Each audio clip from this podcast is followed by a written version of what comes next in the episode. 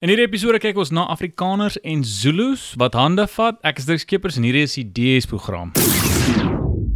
Ja, kort op die hakke van die Zulu dreigemente van Sesessie en die Ingonyama Trust kom die aankondiging hierdie week dat AfriForum met koning Zwelithini van die Zulus ontmoet het om grondonteiening sonder vergoeding te bespreek en selfs sy verjaarsdagbanket by te woon. En vir die van julle wat nie die saga volg nie, soos ons hier op die internet sê, die TLDR, too long didn't read. Om dit miskien bietjie oor te vereenvoudig, was dat Ramaphosa voorgestel het dat die Ingonyama Trust nie die beplande onteiening wet van sal vryspring. En daarom het die Zulu koning sy gat gewip en sy krygers en MP saamgeroep en verskeie dreigemente gemaak daar in Olundi. En dit het toe gelei dat Ramaphosa toe bietjie moes terugval om sy gat te red en beloof toe die Zulus dat die land nie gevat sal word nie, maar nie dieselfde beloftes gemaak vir die Afrikaners nie. En toe hierdie week in 'n strategiese skuif ontmoet die leiers van AfriForum en Solidariteit met die Zulu koning en regter Ngwenya wat as voorsitter van daardie Ngonyama Trust dien. En die kommentare op Twitter het gevlieg. Terloops, ek dink die kommentare is van 'n hoër gehalte nadat Twitter sy onlangse skoonmaak sessie gehad. En sommige in die kommentaar het gesê hierdie skuif voel asof dit 'n uh, bietjie van 'n die vyand van my vyand is my vriend gevoel gehad het. Soos ons weet Afriforum staan oneiening sonder vergoeding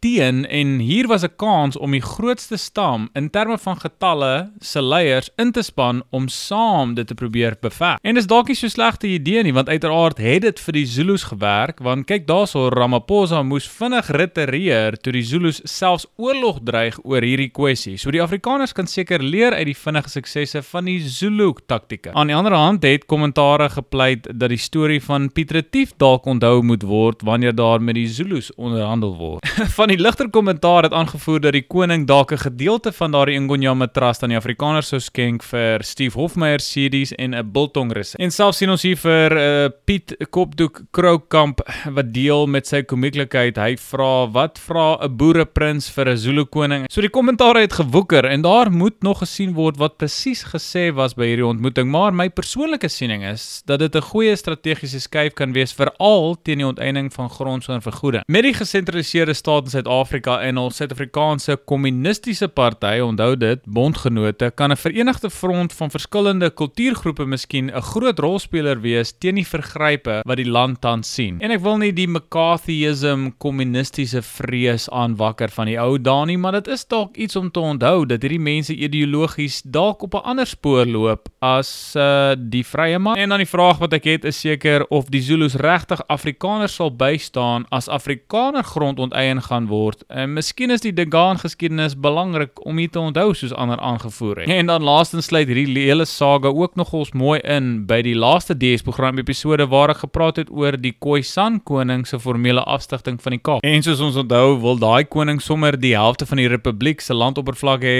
en kan nie help om te wonder of hy Donald Trump se boek The Art of the Deal gelees het met daardie skuif. Natuurlik in die boek raai hy aan dat jy so hoog as moontlik skiet met jou eerste eis in 'n onderhandeling onderhandelinge en dan val jy vaskoppend terug totdat jou opponent uitgeput is en instem vir dalk meer as waarvoor jy in die begin gehoop het. Ek weet nie of dit die geval is nie, miskien vat ek dit te ver, maar er, uiteindelik raak mense net gatvol en glo hulle hulle kan hulle self beter organiseer. En dit is nie so ver gesog nie. Wie kan die Zulus beter regeer as 'n Zulu self? Wie kan die Afrikaners beter lei as iemand wat die taal en die kultuur intiem verstaan net soos wat 'n Afrikaner kan? Laastens kan ek net noem op 'n groter groter prentjie vlak is ek ten gunste daarvan dat mense wat op hierdie kommunale land woon in die Ngonyama Trust liewer persoonlike eienaarskap kry van die land en dit dan ekonomies kan aanwend. As 'n vrye markkapitalis is dit wat ek wil sien gebeur, maar dit lyk nie of dit gaan gebeur nie om verskeie redes en ek sal nie in my wildste drome dink daaraan om te preek aan hierdie mense of te probeer my neus insteek in ander kulture se doen en laat is dit nie juis die punt van verdraagsaamheid nie. En dis eintlik hier waar ek hierdie episode gaan afsluit as jy nie saamstem met enigiets wat ek kwyt geraak het in hierdie episode nie, wys my reg op Twitter. Ek wil graag hierdie program minder 'n nuusspreek sessie maak as 'n